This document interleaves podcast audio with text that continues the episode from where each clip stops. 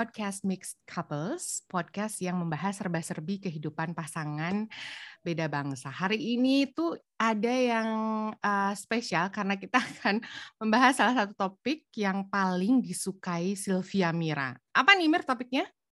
Jadi ngomongin tentang duit sebenarnya. Karena hobi gue itu ngitung duit ya, for your info. Jadi hari ini kita kedatangan temen lama gue di kantor dulu di Indonesia emang kita sekantor. Terus kemudian karena dia eh, menikah dengan pria ini, kemudian uh, memutuskan untuk bekerja dan menetap di luar Indonesia. Aslinya sih ya, gue udah gak sabar banget pengen ngobrol sama Cici yang satu ini. Iya nih, ini pasti banyak hal yang seru nih gitu ya. Hmm. Ini gue udah gak sabar banget kita sapa nih teman kita uh, pagi yuk, ini yuk. Karena, di, karena di sini masih pagi dan di tempat Okta juga. Ini sore mau di Indonesia. Iya. Halo Okta, apa kabar? Tamu kita pagi ini namanya Okta. Okta ini uh, perempuan Indonesia yang menikah dengan pria Jerman. Wow, sama dong ya. Tapi bekerja dan tinggal di Belanda. Kita ingin ngobrol mengenai uang. Tepatnya uh, gimana sih cara kamu dan suami bersepakat dalam mengatur keuangan nih. Karena ini kan budayanya pasti beda banget ya. Um, apa namanya? Aku juga sempat terkaget-kaget lah ya uh, dengan budaya keuangan ini. Nah barangkali bisa cerita nih Okta soal soal ini gitu. Ya jadi kalau uh, budaya keuangan itu ya uh, menurutku ya sangat berbeda dari hmm. Indonesia juga dengan uh, Jerman dan juga dengan Belanda. Nah, hmm. kalau orang Indo itu uh, kita gemar berbelanja. Gampang gua percaya. Gua percaya banget. Percaya sama lu. Keluar duit itu gampang, Meng, orang Indo. Kalau kalau ada duit pasti duitnya keluar buat makan, buat belanja, ya kan? Buat kongko-kongko ya pengalaman gue nih sama bule Jerman dan bule Belanda, mereka itu ada istilahnya tuh namanya sparsam. Ngirit cuy, gitu ya. Banget ngirit. sparsam ya, Bo ya. Ya, ya, ya, ya. Benar-benar. Nah, ini sparsam ini tuh um, bisa dibilang walaupun mereka punya uang ya, uh, mereka tetap ini irit gitu. Jadi mereka belanjanya tuh yang yang perlu-perlu gitu istilahnya. Jadi mereka hmm. tuh nggak terlalu konsumtif. Nah, menurutku itu yang berbeda banget ya. Jadi mereka kalau mau beli sesuatu tuh mereka beneran research, mereka beneran pertimbangkan perlu nggak sih gitu. Jadi nggak langsung war-war beli-beli aja. Dan juga makan juga berbeda. Berbelanja makanan juga uh, mereka mikir karena makan di luar di sini lumayan mahal gitu nggak kayak di Indo gitu. Iya iya. Dulu tuh biasa gue itu bisa tiga kali makan di luar gitu. Dan gue di Indonesia. Iya di Indo. Uh, dan gue kan gue di sini udah tujuh tahun ya. Dan itu kan udah kebiasaan banget. Sekarang gini deh, orang Indo kalau ke mana-mana kan pasti jajan kan jajan sama beli souvenir ya nggak sih? Ada ya, nggak ya, sih ya, tempat rekreasi di Indo yang nggak ada? Tiba-tiba ada bedengnya jualan Indomie ya kan? Sama orang jualan souvenir. Lu istilahnya naik ke atas air terjun tiba-tiba di atas air terjun itu ada yang jual Indomie gitu. Karena uh, permintaannya tuh eh, emang ada. Yeah. kalau di sini ya nggak ada kayak gitu. Jadi uh, waktu awal masuk ke sini juga apa ya uh, suami gue juga bilang pokoknya kalau di sini tuh nggak ada yang makan di luar setiap hari seperti itu karena emang mahal. Misalnya sekali beli makanan 20 euro, istilah itu kan udah 320 ribu atau lebih mah bahkan ya. ya. Jadi orang sini kecuali yang uh, kaya raya mungkin ya ada chefnya gitu ya. Uh, orang yang biasa-biasa ya mereka akan masak sendiri gitu. Itu juga kayaknya dulu tuh ya berasa aneh kan ternyata kalau misalnya di sini tuh um, kalau orang dating aja ya itu tuh dibagi dua dan sampai sekarang meskipun misalnya aku berdua oh, sama suami wow. ya even though sama suami istri iya, sekarang tetap iya, ya iya meskipun sama oh. suami gitu ya ke restoran itu si pelayannya akan nanya ini mau bayar barengan atau mau dipisah karena itu kayak udah biasa hmm. gitu bahwa setiap orang biasa Mm-mm, bahwa setiap orang harus uh, mandiri istilahnya membayar makanannya sendiri gitu ya. Makanya jangan uh, mengira nih ya, kan pasti ini juga sesuatu yang uh, semua uh, wanita Indonesia alami nih kalau mereka end up dengan bule ya. Pasti orang bilangnya, "Ih, enak ya." merit sama bule pasti sering dibayarin. Sementara iya, itu kan gini, itu tuh ste stereotip dari mana ya dibayarin gitu kan? Iya, iya, iya. Tapi tapi mungkin itu itu ya maksudnya gini, itu kan di Indonesia mungkin budayanya budayanya secara umum seperti itu. Terus ketika kita mm-hmm. mengam, ada orang lain dengan budaya yang lain, kita tetap memakai kacamata Indonesia itu gitu. Padahal yeah. uh, nggak sama gitu. Apalagi kalau kita hidup di negaranya gitu kan gitu. Mm-hmm. Tapi mungkin itu juga jadi salah satu penyebab kenapa perempuan di sini istilahnya dipaksa ya dipaksa untuk mandiri dan kerja karena ada ada apa ya ada status hubungan sosial atau antara suami dan istri ini yang beda banget gitu ya. Jadi memang wanita itu dipandang setara ya kan karena mereka dianggap equal berarti wanitanya juga uh, uh, punya hak dan punya kewajiban gitu ya untuk contribute misalnya juga financially kalau dia bisa gitu. Yeah. Nah, gimana kalau misalnya uh, wanitanya tidak bekerja? Kadang-kadang kan ada juga tuh seperti itu. Kadang-kadang mm-hmm. most of the time yang gue lihat bukan karena wanitanya nggak mau bekerja, tapi karena sulit gitu okay. untuk bekerja, untuk dapat uh, kerja di sini gitu. Misalnya karena tantangan bahasa, kan nggak semua uh, orang uh, pindah ke sini bahasa uh, Belandanya atau misalnya kau pindah ke Jerman gitu bahasa Jermannya udah cukup buat kerja gitu. Jadi mungkin ada saat di mana uh, wanitanya tidak belum bisa bekerja. Nah kalau seperti itu sih kalau gue lihat ya uh, yang common terjadi suaminya tetap membayari, tapi hidupnya tuh bukan hidup mewah gitu loh.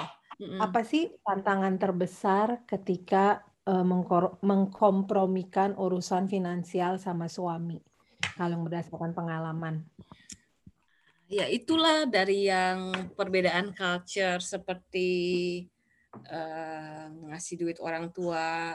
Jadi kalau kita tuh membayari orang tua di Indo itu juga bukan sesuatu yang common di sini gitu. Hmm. Jadi it's not culture ngirim uang gitu. lah ya, ngirim uang gitu. Kan. Ngirim kan? uang, ya. Kalau orang Indo kan hmm pastilah dikit-dikit pasti ada kan ngirim uang orang tua. Dan nggak usah nah, diperdebatkan ya nggak? Kalau kita ngirim istri atau suami ngirim uang itu sebagai tua. ini ya, sebagai tanda bakti malah justru ya kita iya. malah justru apa-apa. Tapi gitu, kerja gimana juga. Okta? Maksudnya kalau Okta sendiri Uh, lu masih nggak ngirim uang ke orang tua dan karena lu bilang di sana tidak common, bagaimana tuh ngobrolin itu sama Penyias, suami? Iya, terus penyiasatinya gimana tuh tak supaya nggak hmm. ada konflik sama si David? Ya, jadi begini, kalau misalnya uh, mengirim uang ya, um, mendingan kitanya kerja, udah gitu aja. ya benar. Supaya you have a freedom ya tak ya, you have a freedom. Iya benar. Nah it's uh, kan ke uh, financial freedom is the real freedom gitu kan. Jadi uh, mengirim uang buat keluarga itu dia um, suami nggak ngerti banget karena dia uh, berasal dari ya keadaan yang totally uh, the other way around gitu. Yang mana ya. kalau misalnya ada susah, hmm mungkin kita bisa pinjam uang orang tua gue gitu. Terus gue kenapa solusi lu tuh selalu orang tua lu? Kita kan harus sementara kode gue gitu karena gue kan biasa uh, punya orang tua yang uh, middle ekonomi ya gitu. Jadinya merasa tidak boleh membebani orang tua gitu. Sementara kalau dia sebaliknya gitu. Jadi kalau buat dia kenapa orang tua butuh duit lu gitu. Mereka kan hidupnya udah lebih lama dari lu. Harusnya mereka lebih punya uang daripada lu. Jadi he has no understanding of these things gitu. Um, cuman again karena gue punya penghasilan gue sendiri um, ya ujung-ujungnya selama apa ya uh, akhirnya dengan uh, pembicaraan gue bilang buat gue ini important gue udah lakukan ini sepanjang hidup karir gue. Kenapa? Dengan menikah dari lu dengan lu gue jadi nggak bisa melakukan ini gitu. Yeah. nah jadi uh, kalau buat dia oke okay, ujung-ujungnya selama kita masih cukup it's okay gitu. Um, dan juga tergantung gimana mau mengatur keuangan dengan suami kan. Karena hmm. kalau misalnya kebanyakan gue nggak tahu kalau di Jerman ya Jerman mungkin uh, Mira yang bisa speak to it. Kalau gue lihat uh, orang-orang seumuran gue di Belanda pasangan seumur gue di Belanda mereka tuh tabungannya nggak nggak mix gitu. Apalagi kalau misalnya istrinya uh, bekerja dan kalau istrinya gajinya lebih bagus dari suaminya istrinya juga udah nggak mau gitu ngapain gue gabung duit gue jadi makin dikit gitu hmm. nah sementara lakinya mikirnya sama gitu jadi how do they deal with it mereka tuh punya uh, separate account yang mereka akan transfer dalam jumlah yang sama tiap uh, tiap bulan gitu. Ya. Jadi seorang misalnya kirim 500 yang lain kirim 500 dan itu poolnya mereka buat bayar gas, air, listrik, beli furnitur dan sebagainya. Nah, yeah. itu. Yeah. Sisanya mereka keep sendiri-sendiri. Nah, kalau di Jerman kayak gitu nggak, Mir? Ya, di Jerman juga kayak gitu. Maksudnya aku sama suami kayak gitu ya. Jadi kita tuh bisa apa ya? Jadi kita kayak kayak gini. Kita hitung nih seluruh pengeluaran rumah tangga sampai asuransi, sampai apa segala macam rekreasi liburan. Kita butuh berapa nih dibagi dalam setahun? Butuh berapa dibagi 12 hmm. bulan? Udah gitu kita lihat, oke, okay, sekarang penghasilan dia berapa, penghasilan aku berapa, dilihat totalnya, siapa yang lebih besar ya dalam satu tahun ini.